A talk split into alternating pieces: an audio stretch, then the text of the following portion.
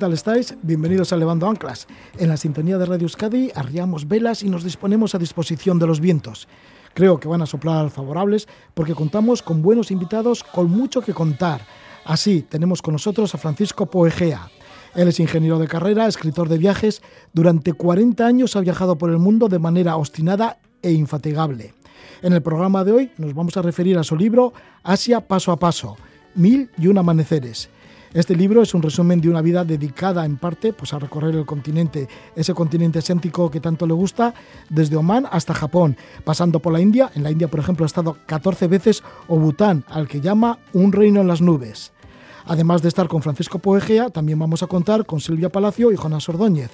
Han querido dar una vuelta al mundo durante un año por tierra y por mar. Para ello cruzaron el Pacífico y el Atlántico en dos cargueros. Por tierra utilizaron los transportes públicos y también el autostop. Estuvieron en países bastante herméticos o bastante difícil de entrar. Y bueno, si entras igual te dejan poco tiempo de visado. Pero bueno, ellos estuvieron un rato allí en Turkmenistán. Incluso llegaron a la llamada Puerta del Infierno, una bolsa de gas que no para de arder. Esto nos lo contarán Silvia y Jonás. Pero ahora nos vamos a Asia paso a paso.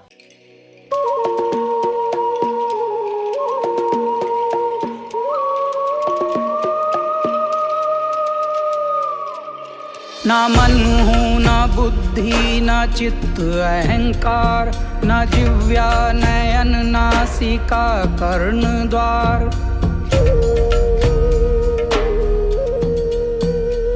न मन न बुद्धि, न चित्त, अहंकार, न जिव्या नयन नासिका कर्ण द्वार। न चलता न रुकता न कहता न सुनता। जगत चेतना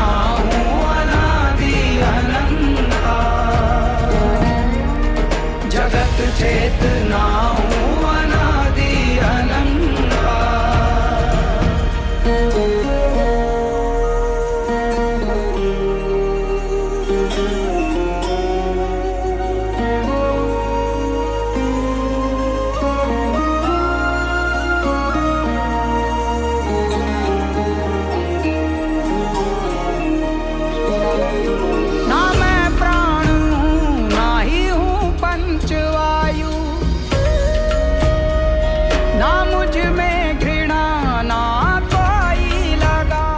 Es el cantante de Cachemira al norte de India, Kailash Kher, con el tema Anadi Ananta.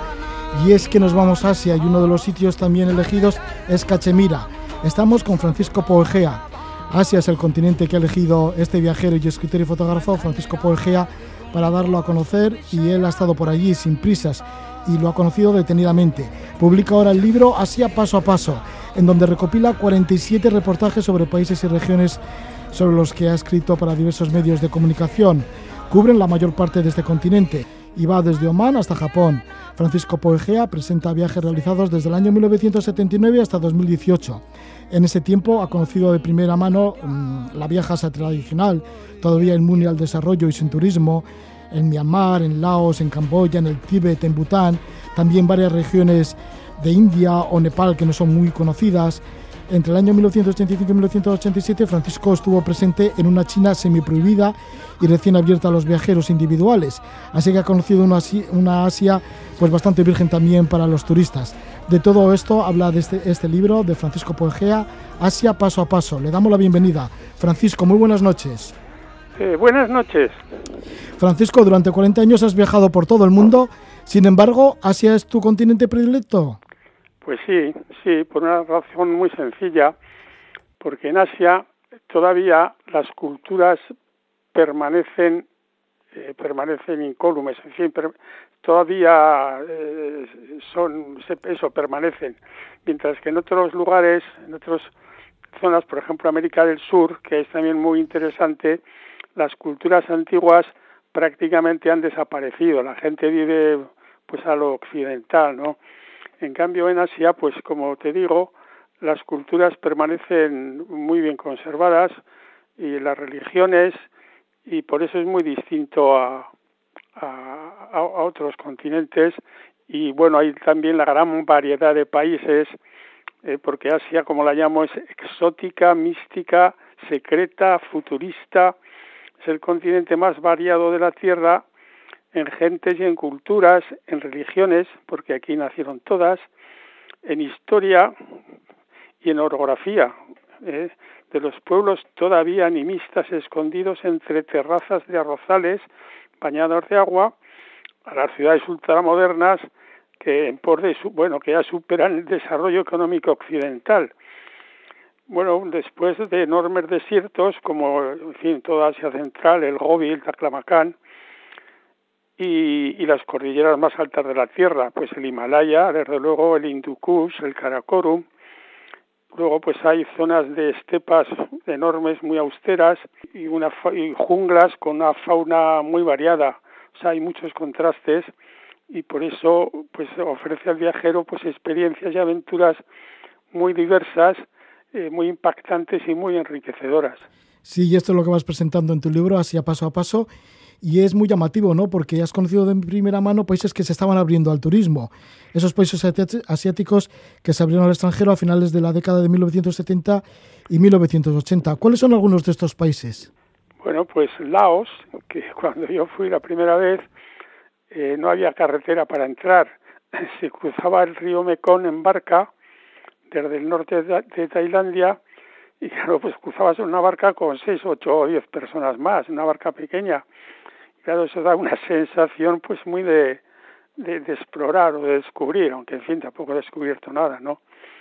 Y Laos pues era un país, bueno, era y es un país pues también bastante variado y, muy bonito, aunque en aquella época era un poco inseguro, porque después de la guerra de Vietnam los norteamericanos habían estado por ahí bombardeando y habían destrozado algo parte del país y habían nacido guerrillas y esas guerrillas ahora, bueno, en esa época, en el año ochenta y poco, pues eh, se habían convertido, pues se habían convertido en, en bandas que asaltaban a por las carreteras, de forma que no se podía no se podía viajar, por ejemplo, hacia el norte. Evidentemente, Camboya, con, con el sitio arqueológico más hermoso del mundo, los templos de Angkor, y, Vietnam, que es un país muy extenso, de norte, bueno, muy largo, de norte a sur, que, por tanto también bastante variado, y la gente es, en Vietnam la gente es tan sencilla y tan encantadora que cuando estás allí lamentas eh, mucho lo que sufrieron con la, con la guerra aquella tan larga, ¿no? Sí, porque Francisco, tú tuviste el privilegio de ser uno de los primeros turistas o viajeros que entraste en China y en Vietnam una vez que se abrieron, ¿no? Pues eh, sí, bueno. Porque ahora, ahora sí que va todo el mundo, hay mucha gente que va de turista allí, alguien en China, pero al principio no era así, ¿no? Hombre, yo estuve en el año 85, que la primera vez que, que estuve en Pekín, y luego hice todo el norte por la ruta de la seda, y eh, yo cuando, cuando pensé en ir a China, bueno, me enteré unos meses antes que estaba abierta a viajeros individuales, porque antes estaba abierta solo a grupos pasando por Singapur, haciendo escala viniendo de Indonesia, me enteré que este que abría en China. Entonces eh, conseguí, bueno, conseguí el visado, no sé si aquí o en París, en, la, en el consulado, en la embajada. Y, y, llegué a China, a Pekín, al aeropuerto, pensando que, joder, me harían preguntas, sería difícil a pesar del visado, pues no. Fue llegar pim pam pum, como no sé, como si llegaras a cualquier capital europea. Muy fácil y, me asombró aquello. Y desde, bueno, y luego por Pekín, pues fui andando de un lado para otro tranquilamente, me pasaron cosas curiosas, curiosas por ejemplo, a la hora de ciudad prohibida, eh, me metí por unas callejas pequeñas y había y vi una casa muy bonita con un patio con, con flores muy y me, y me asomé a la puerta y salió una señora y me dijo no no no, no, venga luego más tarde, venga a las cuatro, que ahora los niños han comido ya y están durmiendo la siesta, lo cual me sorprendió. Con que volví a las cuatro y era una y era una escuela de niños y a las cuatro cuando llegué estaban haciendo gimnasia y me dejaron fotografiar ahí a los niños, fue muy, muy bonito. Y a continuación salgo y había dos tiendas de reparación de instrumentos musicales. Con también una, en una reparaban instrumentos de cuerda y en otra instrumentos de viento. Y me acuerdo que en la de instrumentos de viento me asomo a la puerta, están allí trabajando cuatro hombres, y les digo, ¿os puedo hacer una foto? Ah, sí, sí, sí, ¿de dónde vienes? Eh, pues de Xipanya, Xipanya es España. Xipanya, ah, con que cogen las trompetas, los trombones y se ponen a tocarme un paso doble. Y claro, pues esas cosas, eh, pues no sé, te dan confianza y te animan mucho a preguntar, a meterte con la gente. Era un Pekín que estaba, que solo había prácticamente bicicletas, ¿eh?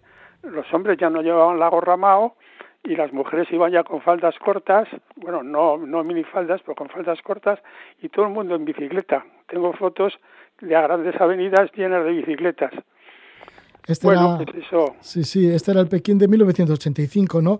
Y también en el Tíbet estuviste en el año 1985. Sí, fue el mismo viaje, porque fui a Pekín, luego, como te dije, hice la ruta de la seda y al volver de la ruta, al volver del itinerario este de la ruta de la seda, que llega hasta el oeste de China, hasta el desierto, por encima del desierto de Gobi y tal, me encontré en Dunhuan, que en Dunhuan es una, un lugar que hay unas cuevas budistas maravillosas, porque la ruta de la seda de Pekín a, Roma, al Mediterráneo, pues llevaba productos, materiales, y a la vuelta traía otros productos y materiales y venían las ideas de Occidente, entre ellas de Occidente, bueno, y de, y de la parte de Asia, de, pues de Irán, de Pakistán, de todas esas zonas, ¿no? Y con ellas llegaba el budismo, y el budismo se instaló mucho en China. Entonces en Don Juan hay unas cuevas budistas preciosas.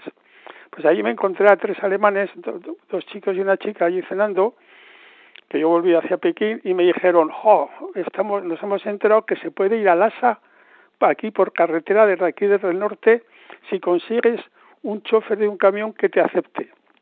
Ah, y dije, coño, pues esta es la mía. Yo tenía permiso para ir a Lhasa, pero en avión desde Pekín. Y entonces fuimos, cogemos un tren fuimos hasta una ciudad cercana, se llama Golmuz. Allí fuimos a un parque enorme de camiones, aparcamiento, donde estaban los camiones que hacían el transporte de mercancías a Lhasa. Y, y bueno, yo tuve la enorme suerte, como entiendo algo de mecánica, y había unos tíos allí con un camión intentando desmontar una pieza y no lo conseguían, porque estaban los, las, las tuercas de latón ya comidas y no y allá con la llave pues le daban vueltas y no conseguían y entonces yo les desmonté la pieza al carburador y se quedaron un poco asombrados y entonces aproveché y les dije oye que te doy 50 dólares y me llevas a Lhasa ¿eh? que el tío se iba al día siguiente y aceptó y entonces tuve la suerte de hacer todo el recorrido de más de, mil y pico kilómetros desde el norte de China hasta Lhasa, que claro, llegar a Lhasa, porque Lhasa ya sabes que ha sido un lugar donde, donde durante siglos eh, los viajeros exploradores han intentado llegar, ¿no? Unos lo han conseguido, pero muchos no. Y eso, llegar a Lhasa en un camión por tierra, pues me pareció una cosa pues bastante especial.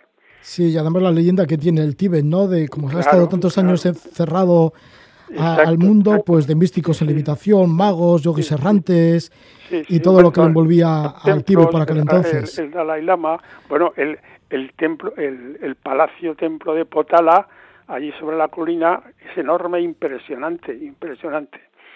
Y en ese viaje, eh, también, porque los chinos en ese momento que se habían abierto al turismo, andaban despistados, no, sabían que los viajeros individuales somos muy curiosos y que nos metemos donde no nos llaman. Entonces, eh, yo eh, había oído hablar de Ganden, que era una ciudad monástica que la habían destruido los chinos, y también habían destruido las otras ciudades monásticas cerca de, de Lhasa, que eran Drepung y Sera, y estas las habían reconstruido que eran ciudades monásticas que había hasta 10.000 monjes. Ahora, cuando en el año 85, pues había 100 o 200. Y entonces eh, encontré un autobús que pasaba cerca de Ganden, me subí, eh, le pagué al chofer, nadie me dijo nada, le pregunté dónde me tenía que parar, me paró y me paró y era al otro lado de la colina, llego y me encuentro con todo el espectáculo de esa ciudad monástica tengo las fotos donde decenas y decenas de templos y monasterios totalmente destruidos, ¿eh? en ruinas. Y claro, eso era una prueba de lo que los chinos en cierto modo negaban de que hubieran destruido el Tíbet, ¿no? Y esa, y esa foto se ha publicado aquí en revistas. Sí, y además de esto también estuviste en el rito del entierro celestial, que entregan los sí. cadáveres a los buitres. Exacto, lo que llaman el Sky Burial, o sea, el entierro celestial, sí, que es, bueno, es entretenido, tampoco, no te dejan hacer fotos para nada, ¿eh? incluso, eh, bueno, había, yo fui con un, con, ¿quién fu- Fui con un chino de Hong Kong, que estaba también, que me encontré en Lhasa, y que también estaba investigando, ¿no? Él era ya muy occidentalizado. Y fuimos y ya, me dije- ya, me habían, ya nos habían dicho, me habían dicho que no había, se podían llevar cámaras fotográficas que te las quitaban y te las rompían. Entonces yo la mía, antes de llegar, la dejé escondida en una, debajo de una mata, pensando a ver cuando ya hayamos pasado, nos hayan registrado, pues la, quizá la puedo recoger y hacer fotos. Y, y bueno, eso hicimos. Bueno, aquello, pues eso, cogen el, el cadáver de, que era una mujer creo, cogen el cadáver del difunto, hay un, un carnicero que lo parte con, con, con un hacha y cuchillos en trozos, en trozos, ves los buitres que ya se, se han enterado y están dando vueltas, círculos alrededor, van bajando, ya cuando el carnicero eh, se quita, quedan los familiares y otros tibetanos por allí mirando, pues los, los buitres bajan, joder, y se hacen allí el, gran festín. Se dan el gran festín. Es, es un asunto curioso, porque claro, eso, el Sky Burial, pues es, consiste teóricamente, en fin, según la religión de ellos, en devolver al cielo eh, lo que del cielo vino. Pero la realidad, bueno, en, la- en el aspecto práctico, eso lo hacen porque primero, porque la tierra es muy dura, gran parte del año está llena de nieve y, y entonces no, no los pueden enterrar, es muy difícil enterrarlos. Y Pues- entonces la solución es pues volverlos, devolverlos al cielo. Esto es lo que has encontrado, grandes ceremonias en Asia. Y estamos hablando con Francisco Poegea, escritor, fotógrafo, viajero, autor de este libro, Asia paso a paso, mil y un amaneceres. Y también vamos a hablar un poquito de India, porque en India has estado en 14 ocasiones y has estado en muchos sitios que son como un tanto inéditos, muchas peregrinaciones has seguido, pero ya que hemos empezado con la canción de Cachemira, Cachemira, que tiene recuerdos lejanos, ¿no? Porque comentas que fue el Valle Feliz para ti. Esto en el año 1978, cuando creo que dejaste el trabajo, porque eres ingeniero, dejaste todo tu profesión y demás, y te dedicaste a ir a recorrer Nepal y el Himalaya y otras zonas del norte sí, de China. Sí, sí. Y entre Sí, ellos eso. Cachemira. Sí, entonces Casemira, sí, porque el año yo dejé el trabajo que trabajaba en París, estaba en la central de una, una compañía norteamericana, me ocupaba del marketing y las ventas de- de- para Europa, director de marketing y ventas, y era soltero, iba a cumplir 40 años y pensé, bueno, ya he vivido la mitad de mi vida, ¿qué, voy a, ¿qué va a ser la otra mitad? Pues no quiero seguir con reuniones, con viajes de un día aquí y allá, y pensé, lo dejo un año y luego ya me vuelvo a España y ya veré lo que hago. Me buscaré un trabajo sencillo. Y me fui a Nepal, hice un trekking fácil con un grupo de franceses, que entonces en España no se hablaba de trekking, pero en París ya sí.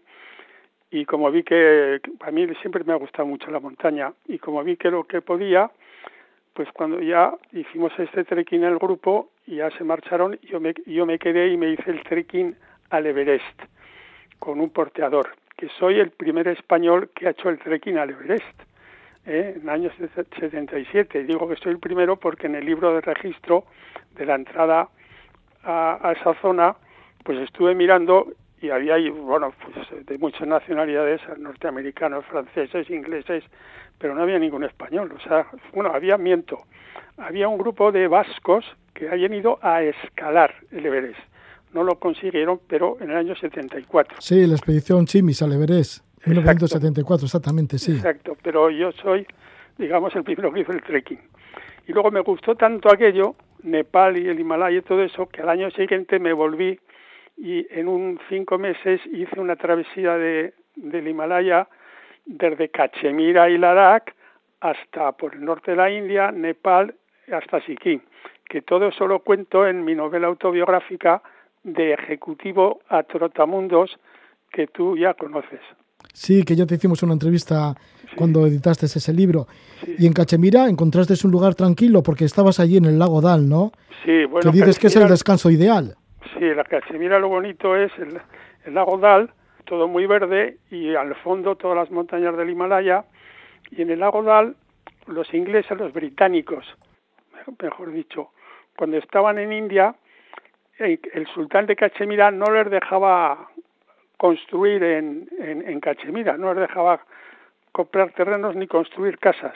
Entonces la solución que encontraron, porque en verano iban allí para librarse del calor de la India, fue eh, construir casas barco eh, que amarraban al linde a la orilla del lago. Y estaban allí unos días en esa, y luego se podían cambiar a otro sitio. Y esas casas barco, pues se conservaron, se han construido otras más y son ahora el lugar de, de, alojamiento pues de los turistas que van desde hace años, lugar de alojamiento de los viajeros y turistas que van a Cachemira.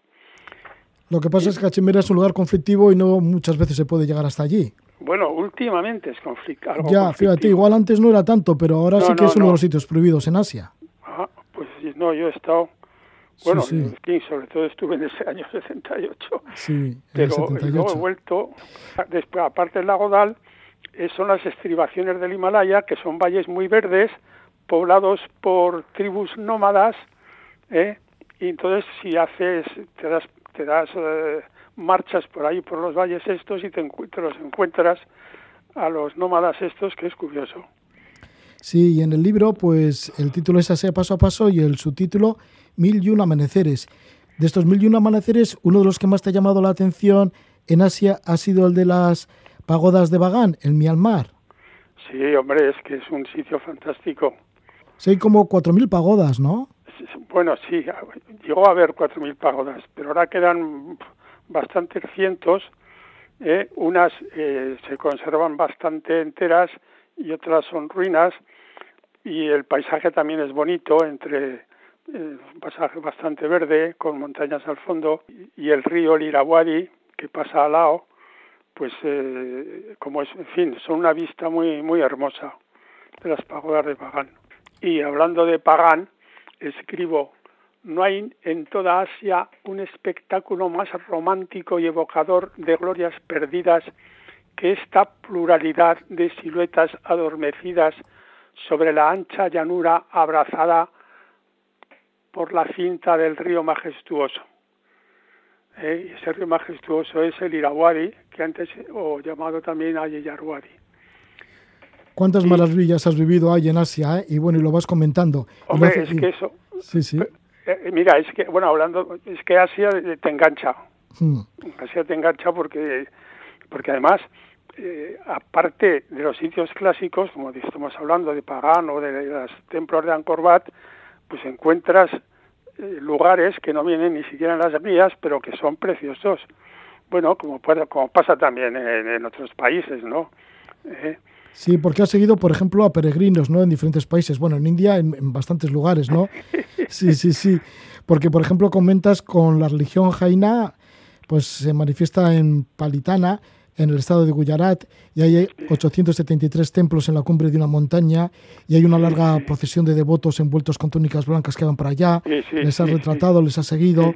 También, por ejemplo, en Tirumalai, al norte de Madras, está el templo más rico del país, y llegan de todas partes de India peregrinos para ofrecer la cabellera a Sí, sí, Vishnu. sí, en India hay muchas peregrinaciones. ¿eh? Eh, la más famosa, la más famo- bueno, a Benares, por ejemplo, y, y sí, encuentras continuamente sí, co- cosas así. Y no solo eso, también en Japón has estado en la peregrinación del camino de Kobo Daisy. Bueno, sí, eh, la última vez que estuve en Japón, que fue hace cuatro años, cuando ya yo quería, yo había estado en Japón ya, ¿eh? y me había hecho pues todo lo clásico de Japón, había estado dos meses y pico, y la primera vez y me había hecho bastantes cosas. Entonces quería descubrir cosas nuevas. Y tuve la suerte de que encontré en la oficina de turismo del, del aeropuerto una chica muy amable y muy y le conté que quería algo distinto. ¿eh? Y me dijo, bueno, pues tiene usted la peregrinación de los 88 templos de la isla de Shikoku. Ah, ¿eso qué es? También se llama el camino de Kobo Daisy, que Kobo Daisy fue un monje budista que se marchó a China en el año 800 y volvió con una nueva sí, con, una nueva secta de budismo que se llama Shingon y el tío se recorrió la isla de Shikoku, que es la cuarta en tamaño del país, está muy cerca de la isla principal y fundó 88 templos en el perímetro de la isla.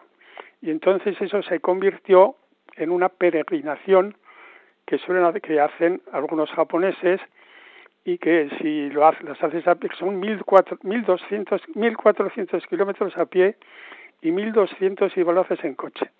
Entonces yo hice parte a pie, porque claro, en coche, y vas pasando por pueblecitos pequeños, eh, eh, muy tranquilos, donde los niños van a la escuela, los viejos cu- cuidan sus jardines, y vas eso recorriendo esos templos que están a una distancia pues de una hora más o menos uno de otro, y en, estuve 15 días y recorrí unos unos 20 templos o, o más. Bueno, sí. Sí, y bueno, eso son cosas nuevas. ya, y ahí está, paso a paso, porque Ya has caminado está. mucho por Asia y ahí está ese título, Asia paso a paso, Exacto. Mil y un amaneceres de Francisco Poegea, en el cual recopila 47 reportajes que ha realizado pues en las más prestigiosas revistas que, que ha habido, ¿no? Y Francisco Poegea, pues eso es viajero, escritor, fotógrafo, sus escritos, pues cuando veía la firma de Francisco Pogea, enseguida te tirabas allá al periódico o a la revista para ver lo que estaba escribiendo. Y aquí en esta recopilación de sus artículos sobre Asia, pues recoge mm, países desde Omán hasta Japón. Muchísimas gracias por tu compañía, Francisco Pogea. Gracias a ti y a todos que me escuchen.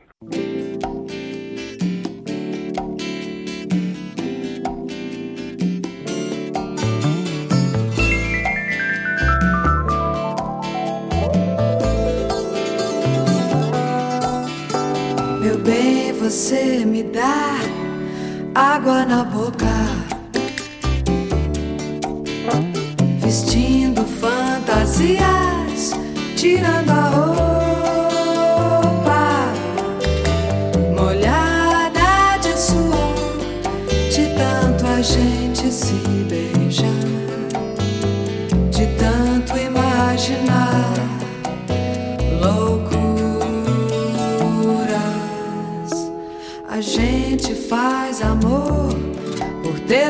dia.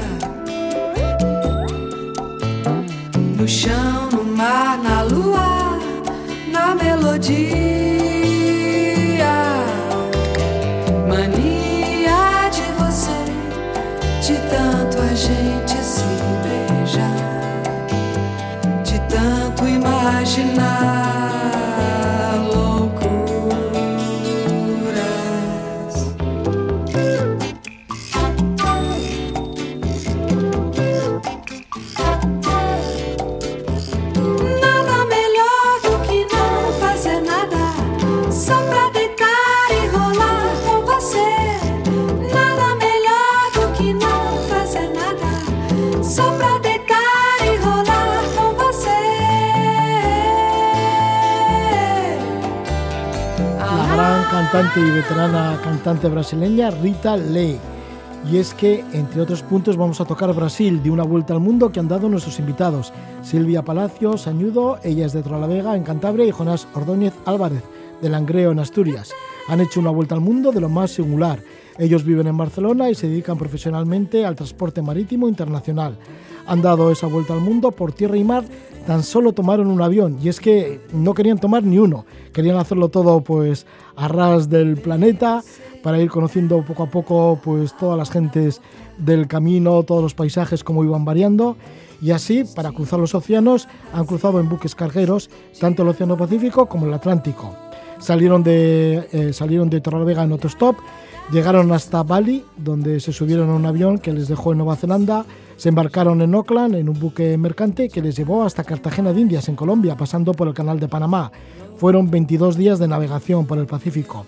Una vez en Sudamérica, estuvieron por países andinos hasta que en Natal, en Brasil, fueron un carguero hasta Algeciras. En total nueve días por el Océano Atlántico y así terminó esa vuelta al mundo que ha durado exactamente un año, del 31 de mayo de 2017 al 1 de junio de 2018. Damos la bienvenida a Silvia Palacio. Buenas noches, Silvia. Buenas noches, Roger. Gracias por invitarnos. Muy buenas noches, Jonás. Buenas noches, ¿qué tal? ¿Cómo estamos? ¿Por qué ese empeño de dar la vuelta al mundo sin tomar un avión? Bueno, pues lo teníamos los dos claro, en eso estábamos los dos de acuerdo, en que nos apetecía hacer un viaje que, que fuese lento, ¿no? Ir, ir poco a poco, bueno, mm, viendo un cambio gradual en la geografía, en los paisajes, en la forma, en el físico de las personas. No nos apetecía mucho volar de Hong Kong a, no sé, hasta Bangkok y de Bangkok a París y dar vueltas por el mundo así de, de un sitio para otro. Nos apetecía ir lento. Sí, lento y además de manera un tanto así como eh, con incertidumbre, porque ya saliste de tu ciudad, desde, desde Torrelavega en Cantabria, en autostop. Sí, sí, sí, sí. Bueno, nuestra idea era, a lo mejor por la proximidad que, encontramos en Europa, era salir lo más rápido posible de Europa, eh, gastando el, el menor presupuesto posible y pensamos que lo mejor era salir haciendo autostop. Eh, nada, muy sencillo hacer autostop por, por Europa, salvo Italia, que nos costó un poco en principio porque está prohibido. El resto, nada, muy fácil. ¿Hasta dónde llegasteis de una tirada? Bueno, de una tirada, bueno, en, empleando el autostop, ¿hasta dónde llegasteis? Sí, bueno, fueron unos 12 días y llegamos a, hasta Odessa, en Ucrania, que es donde nos embarcaríamos para hacia Asia. Cogimos un, un ferry, que fueron un par de días para llegar hasta, hasta Georgia. ¿Y cómo os fue en este ferry? ¿Que era el ferry por el Mar Negro? Eso es, sí. Pues bien, bueno, es un ferry que utilizan sobre todo transportistas que quieren ahorrarse pues unos cuantos kilómetros por tierra y nada, ese fue fue todo correcto. Luego ya nos hemos encontrado con otros ferries en los que ha sido un poco más problemática la experiencia, a lo mejor por estar más sucios o o bueno, no a lo mejor mm, de la calidad o de que podíamos esperar en Europa.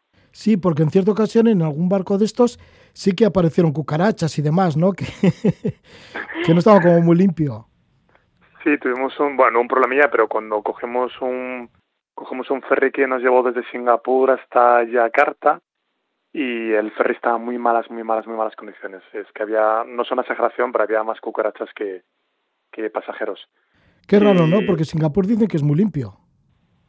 Singapur sí, pero bueno, Indonesia ya, ya no tanto. Entonces, digamos que el carácter del ferry era un poco más de Singapur que, perdón, de, de Indonesia que de Singapur. ¿Y cómo aparecían cucarachas por allí? ¿Que estaba plagado de cucarachas el barco? Eh, sí, está bien de ello y de hecho nosotros estuvimos esperando bastantes horas a que llegase el barco porque llegó con mucho retraso y en la sala de espera eran todos locales y el único occidental aparte de nosotros era un chico inglés. Y no, no hablamos, no sé, bueno, no sé por qué razón, pero no hablamos nada con él durante todo ese tiempo esperando y cuando subimos al barco lo vimos tan mal que nos salió de manera innata a los tres juntarnos para estar un poco más, sentirnos un poco más cálidos. Y la idea era que era intentar dormir con las mochilas apoyadas en la pared para evitar que las cucarachas nos pasaran por encima, pero en cuanto estabas un rato quieto ya perdían el miedo y te empezaban ya a pasar por encima. Así empezamos a buscar algún sitio que estuviera un poco mejor por el ferry encontramos un pasillo eh, que había unos camarotes vacíos y no había nadie allí. Preguntamos a, a un chico que trabajaba en el barco y bueno, nos pidió un poco de dinero bajo manga por, por dejarnos dor- dormir allí dentro que estaba un poco mejor que fuera. Sí, porque no, no podríais dormir con las cucarachas.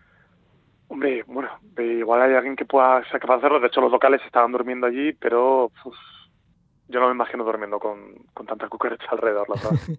Bueno, pues este fue el ferry que os pasó de Singapur hacia Yakarta, en Indonesia, pero nos habíamos quedado ahí en Ucrania, ¿no? Que pasasteis el Mar Negro eh, en otro ferry y esto os llevó a Georgia. Llegamos a la ciudad casino de Batumi y desde ahí hicimos eh, Georgia-Armenia durante más o menos dos semanas y de Armenia cruzamos a Irán. En Irán estuvimos, fue el país en el que más tiempo hemos estado en, en Asia Central, estuvimos un mes. Un país increíble, muy, muy recomendable, muy seguro también y sobre todo muy hospitalario. De hecho, hay una aplicación en internet que se llama Couchsurfing, que es eh, gente que te deja dormir gratis en, en sus casas. Eh, hay gente que te ofrece una cama, hay gente que te ofrece el sofá o hay gente que te ofrece el suelo. Y el caso es que en Irán eh, esta aplicación está prohibida por, bueno, por razones obvias, por el tema del gobierno, pero tiene una de las mayores comunidades de couchsurfers del, del mundo, porque pasamos todo el mes durmiendo con, con locales. ¿Habéis empleado mucho el couchsurfing? ¿Que os Eh, inviten a casas, estar en casas particulares? Sí, hemos intentado compaginarlo porque quieras o no, es un ahorro económico, pero también es un hay un gasto emocional porque tienes que estar mucho más presente, no es como llegar a un hostel y conectarte al wifi y descansar y olvidarte un poco de todo. Llegas a casa de alguien que te recibe y que te quiere conocer, quiere hablar contigo. Entonces intentamos compaginar un poco la experiencia local con un poco con el descanso. Habéis llegado, después de Irán, a cruzar Turme- Turkmenistán, que es uno de los países más herméticos del mundo. ¿Cómo lo habéis conseguido? Porque muchas veces no es fácil la visa y cuando es visa de tránsito hay que pasar rápidamente este gran país. Sí, bueno, eso fue un golpe de suerte. No sabemos, no sabríamos decir exactamente cómo conseguimos los visados. Eh, la verdad es que, pues eso, lo que tú comentabas, Rojo, es uno uno de los países más cerrados del mundo. Dicen que el segundo después de Corea del Norte y en general autorizan la entrada a unos 50.000 viajeros al año. Eh, se puede viajar por el país con un visado de turista, pero hay que hacerlo a través de una agencia gubernamental y es carísimo. Y en general, al ser un país que no tiene mucha, bueno, muchas cosas para ver o que es tan complicado entrar, lo que suele hacer la gente es pedir un visado de tránsito. El tema es que, por un lado, lo que tú decías, eh, cuando te dan el visado son entre tres y cinco días, nunca sabes cuántos te van a asignar, ni siquiera por qué fronteras puedes entrar o salir, con lo cual se te puede complicar el viaje y que no llegues a tiempo. Y luego, por otro lado, que no se sabe muy bien cuáles son los criterios que utilizan para, para dar los visados. Es decir, eh, un viajero puede presentar la solicitud junto con la pareja que, con la que viaja y a uno, se lo, a uno le pueden admitir y firmarle el visado y al otro no. Entonces, bueno, nosotros después de leer la experiencia de bastantes viajeros, pues optamos por en el formulario de solicitud indicar donde te preguntaba qué lugares quieres visitar de Turkmenistán, cuál es el propósito, pues no indicar ningún lugar y decirles que solamente queríamos atravesar el país. Eh, entendimos que a lo mejor iban por ahí los tiros, que si en, les indicas algún lugar que quieras visitar del país, entonces te van a obligar a, o te van a rechazar el visado, pero la verdad, hubo gente que tampoco indicó lugares y también les han rechazado el visado, con lo cual es una lotería. Ya es una lotería que esta vez acertasteis y entre otras, una vez que estabais allí en Turkmenistán, fuisteis a ese lugar en donde está una bolsa de gas que no termina de consumirse, que siempre está ardiendo. Sí, la puerta del infierno, sí, sí, sí, es un lugar espectacular. Uno de los sitios más chulos, bueno, el país en general, una de las experiencias más chulas del viaje y la puerta de Darbaza, eh, el, es, bueno, hay que buscarlo, hay que buscarlo en internet para ver fotos. Es un cráter de unos 70 metros de diámetro que, bueno, en realidad es un accidente geográfico causado de alguna manera por, por el ser humano. Los Turkmenistán es un país muy rico en gas y en la época soviética un grupo de, de bueno de, de soviéticos estaban buscando por allí gas con la mala suerte de que ubicaron el campamento sobre esta bolsa de gas, el peso cedió y empezó a emanar el gas lo que hacen en, para consumirlo, para que los pueblos de cerca no se, no se envenenasen, pues es prenderle fuego, que es una práctica habitual, pensando que en unas horas, tal vez en un par de días, la bolsa de gas se consumiría. Bueno, pues curiosamente la bolsa de gas lleva ardiendo más de 40 años y no hay perspectivas de cuándo, está, cuándo este gas se puede, puede llegar a consumirse. Así que si alguien está por la zona, por ese central, Turkmenistán es, es un, un lugar y la, la Puerta del Infierno es un, es un lugar muy curioso para visitar. ¿Cómo es la visión de la Puerta del Infierno según también vais llegando hacia allí, hacia Darbaza? Bueno. Nosotros, perdón. No, sí. Sí, nosotros llegamos a, sí, nosotros llegamos por la tarde, un poco antes del atardecer, y incluso con la luz del día se percibía, se percibe la luz del fuego llegando ya a, a casi un kilómetro. Y luego durante el anochecer es muy bonito porque está en medio del desierto, no hay nada alrededor. Bueno, nosotros para dormir pusimos la tienda de campaña muy cerquita, como a 50 metros del cráter, y vas, vas oyendo cómo el gas va combustionando y de vez en cuando hay eh, alguna llamarada más fuerte, entonces vas oyendo el ruido y literalmente parece que estás durmiendo al lado de un volcán o, o de un- una especie de infierno, por así decir. Sí, se dormirá calentito, ¿no? Con ese, con ese gas que está venga a salir, con esa llama. Eh, si, te arrimas mucho, mucho, bueno, que todo el mundo intenta acercarse al borde todo lo posible con cierta prudencia, y hay veces que te tienes que alejar corriendo porque a veces hay alguna llamarada fuerte que literalmente te quema la piel. Y luego por la noche en la tienda de campaña baja bastante la temperatura, porque bueno, y hay una distancia prudencial con el borde del cráter y estás en pleno desierto y se pone fresquito por la noche. ¿Se os ocurrió también cruzar Turkmenistán en autostop? En realidad, porque llegar al cráter era bastante complicado a través de medios públicos, de transporte público, entonces la única idea era llegar haciendo, eh, llegar haciendo autostop. Y claro, el problema es que Turkmenistán es el país más caluroso de Asia Central y estábamos en, en mitad de agosto. Y bueno, de todas maneras decidimos ir haciendo autostop hasta el, hasta el cráter. Costó bastante porque no hay mucha cultura de autostop ni tampoco están muy acostumbrados a ver extranjeros, con lo cual cuando te ven con el cartel es, sé que suena extraño, pero no entienden muy bien lo, lo que estás haciendo. En, apenas hablan inglés, obviamente no hablan español, con lo cual comunicarse y explicarles que lo que queríamos era subirnos a algún coche para que la gente nos fuera dejando lo más cerca posible. Fue complicado y fue un poco temerario también porque hacía demasiado calor, la carretera atraviesa un desierto, no sabes muy bien dónde te van a coger y sobre todo dónde te van a dejar porque te pueden dejar en medio del desierto y fue no fue lo más prudente que hicimos, pero finalmente llegamos y salió bien.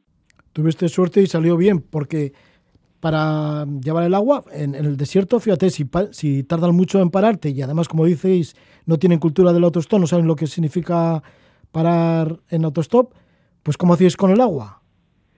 Nada, era horrible. Porque además sí. el agua también se calentaría, ¿no? Con tantos Claro, grados. claro, sí, sí, sí. Eh, a lo mejor cinco minutos duraba el agua fresca, a lo mejor menos eh, agua, pero caliente que no podías ni beberla de lo, de lo caliente que se ponía. O sea, ni siquiera templado, como un caldo del norte, muy caliente de invierno esa experiencia en Turkmenistán, ahí muy temeraria, pero bueno, y, además, bueno, pues acercándose a lugares que es difícil de ver, como ese, ese, esa puerta al infierno en Darbaza, pero también habéis estado en otros lugares que no son fáciles de llegar, como por ejemplo la región de Xinjiang, en China, en donde viven los uigures, que además pues parece que están como bastante sometidos, ¿no?, por los chinos. Sí, por un lado, conseguir el, el visado fue bastante complicado porque, bueno, China va cambiando los requerimientos para conceder los visados, pero sobre todo hay fronteras que de vez en cuando se cierran, como es el caso de Xinjiang que cada poco tiempo hay conflictos y entonces esta frontera pues no queda abierta para los para los turistas. Lo que nosotros tuvimos que hacer en este caso eh, bueno pues fue ir a la embajada de China en este caso en Irán y presentar los documentos como si fuésemos a volar directamente a Shanghai o sí, a Shanghai y presentar reservas de vuelo que habíamos hecho a través de una plataforma rusa donde puedes reservar los vuelos y te los confirman durante una semana sin necesidad de pagarlos. Entonces, nosotros presentamos un viaje a la, a la embajada conforme íbamos a viajar hasta allí en avión y que íbamos a hacer un viaje turístico por la zona este de, de China y una vez que conseguimos el visado pues arriesgarnos y llegar hasta la frontera con el Xinjiang y, y, esperar a que nos dejasen entrar. ¿Y entrasteis? Sí, sí, conseguimos, conseguimos entrar y, y digamos que eso es la frontera geográfica de China, pero la frontera aduanera está a 250 kilómetros al interior de China. Toda esa zona es como una especie de zona de amortiguación, eh, donde apenas hay poblaciones y que lo utilizan más bien para un poco tener controlado el flujo de, de, personas. Nos metieron en una habitación con un montón de militares chinos que se pasaron durante cinco horas durmiendo y estuvimos ahí durante cinco horas esperando a que alguien nos dijera cómo salir de allí. Nosotros ya sabíamos que la única manera era a través de un taxi que ellos mismos piden y que el taxi viene desde el interior de China, pero nosotros intentamos por todos los medios que nos dejaran salir de allí haciendo autostop, pero no fuimos capaces. Entonces estuvimos esas cuatro o cinco horas esperando a que llegara el taxista y luego ya nos nos fuimos con él, pero cuando nos montamos en el taxi los militares le dieron nos, los, nuestros pasaportes al, al, taxista en lugar de a nosotros. Una zona bastante mil militarizada entonces. Sí, hay muchísimo control, muchísimo control y en toda la zona, eh, cuando llegamos a Kashgar, eh, que es la ciudad principal de, de Xinjiang, ya notamos que, que bueno, hay, hay mucha presión policial y, del Estado y, bueno, principalmente nada más llegar lo notas en el Internet, que es muy difícil para un extranjero conseguir una una SIM en esta zona de China y una vez que la consigues, el Internet funciona de una manera muy pobre, muy pobre, muy pobre. Tanto a nivel de accesibilidad, de velocidad. Sí, la ciudad de Kashgar, que es una ciudad mítica dentro de lo que fue la ruta de la seda. ¿Qué es lo que queda hoy? Vosotros que habéis podido llegar hasta allí. Todavía se nota el resquicio un poco de, de la ruta de la seda, tal vez más enfocado para los turistas que lo que realmente era en el pasado. Eh, sí que es algo muy llamativo porque cuando llegas a esta zona de China, eh, lo que esperas ver es chinos de la etnia Han, el viento cochino que todos tenemos en mente. Pero que no hay que olvidar que la gente oriunda de esta zona eh, son turcomanos, son de origen turco, con lo cual al final son personas con rasgos faciales más parecidos a las de un, casi que a las de un occidental que a las de un chino, aunque también tienen los ojos algo rasgados. Entonces es, es llamativo ver mezquitas en esta zona eh, y bueno, ver musulmanes en, en China. Todavía se puede a veces un poco percibir ese olor de la ruta de la seda, porque ahora estamos hablando ya de, de una ciudad casi ya más china que, que Uyghur, porque hay una gran colonización de, de población Han por parte del gobierno de, de China. Sí, algo parecido con lo que están haciendo también en el Tíbet. Los chinos. Sí, dir- diría que incluso más todavía. Les dan ventajas fiscales eh, y facilidades a la hora de encontrar trabajo. Y diría que ahora mismo casi la mitad de la población de Xinjiang es, es de origen Han, si no me equivoco. Bueno, pues ahí estuvisteis en, en esta región de Xinjiang, de la cultura uigur. Ahí están los uigures de origen turcumano. Y luego, pues sí que estuvisteis también por Pekín, por Kunming, capital del estado de Yunnan. Y ah, estuvisteis también descendiendo el río Mekong para introduciros en Tailandia, para luego llegar a Malasia, a Singapur, en ese viaje en ferry lleno de cucarachas hacia Yakarta. Llegó Indonesia y es cuando ahí decidís tomar un avión para cruzar el Océano Pacífico. Para Bueno, llegar a Nueva sí. Zelanda y de Nueva Zelanda cruzar el Océano Pacífico. Correcto, sí, ya más que más que decidir nos vemos obligados, nos encontramos ahí una una piedra en el en el camino, no encontramos la manera de, cruzar de- desde el sudeste asiático hasta hasta Nueva Zelanda en, en un transporte marítimo.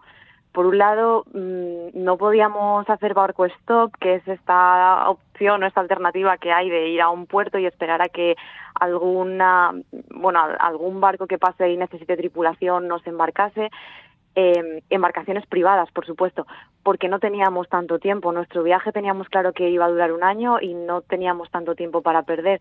Y por otro lado, tampoco nos podíamos embarcar en un carguero porque eh, si bien la experiencia era la experiencia que íbamos buscando, eh, solamente entre un 1 y un 3% de los cargueros del mundo admiten pasajeros, con lo cual las rutas son muy concretas y en esta zona no había disponibilidad, con lo cual tuvimos que salvar el escollo cogiendo un vuelo hasta Nueva Zelanda haciendo escala en Canberra.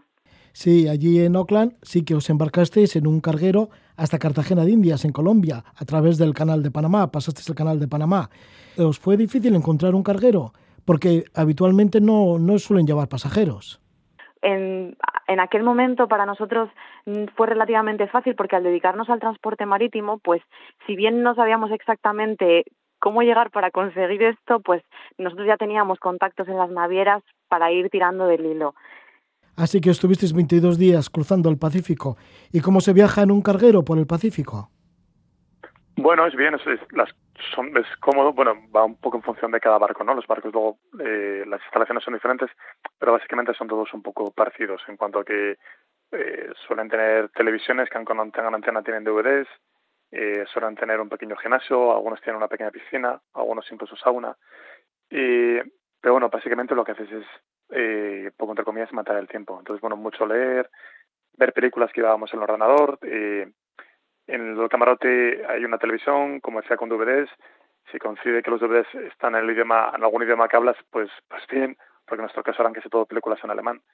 También hay algunos barcos, como en nuestro caso, que tienen incluso instrumentos de música, había una batería, una guitarra, había una PlayStation, entonces, bueno, pues también echamos bastantes horas jugando a la videoconsola con parte de la tripulación.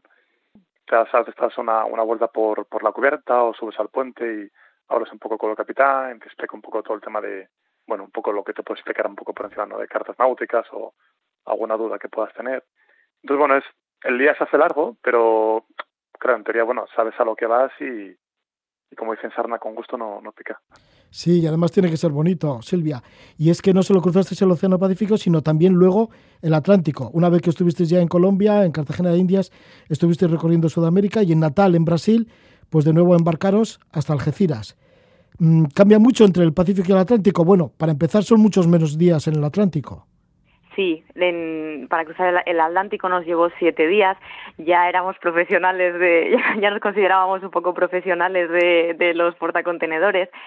Eh, el, barco era, como decía Jonas, era muy parecido. En realidad, las diferencias fueron pues que en esta ruta, al ser más cortita, es mucho más popular y encontramos a otro pasajero que viajaba con nosotros, un, chico suizo de más o menos nuestra edad que estaba haciendo, bueno, pues también viajando por el mundo, había conocido este tipo de viajes y le apetecía probarlo.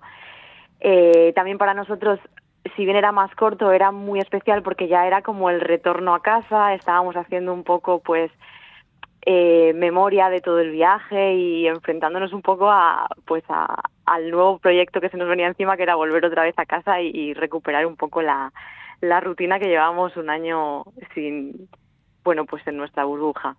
Conseguisteis por fin terminar esa vuelta al mundo. Solo hubo un avión. Bueno la idea era dar la vuelta al mundo sin tomar ningún avión por tierra y por mar un avión nada más. Así que bueno, que ha sido todo un éxito y además un montón de vivencias, algunas de las cuales nos han contado nuestros invitados, que son Silvia Palacios Añudo de Vega en Cantabria y Jonás Ordóñez Álvarez de Langreo en Asturias. Gracias por todo. gracias, a, ti. Buenas noches. Un abrazo enorme.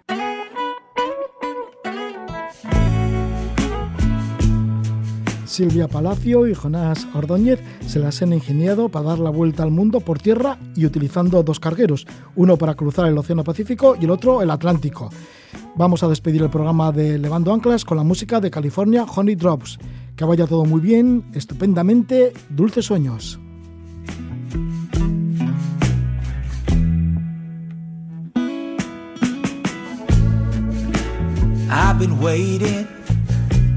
All week long just to get to you.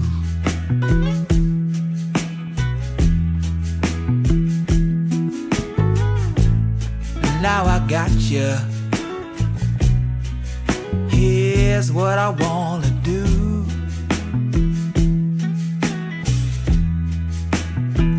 Yeah,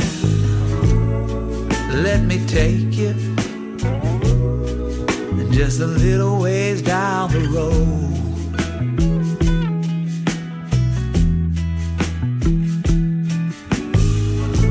Where you and I, under open skies, can make love with the stars above. I wanna get real high with you, girl. Lay out in the green, green Cause nobody in this wide world brings the colors that you do. Yeah.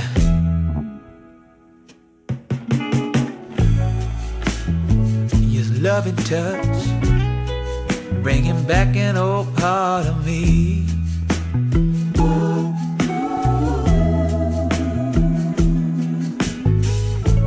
Like a warm rain falling, bringing back sweet memories.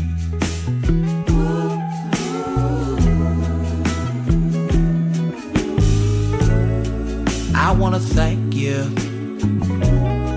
for all the joy that you're bringing me.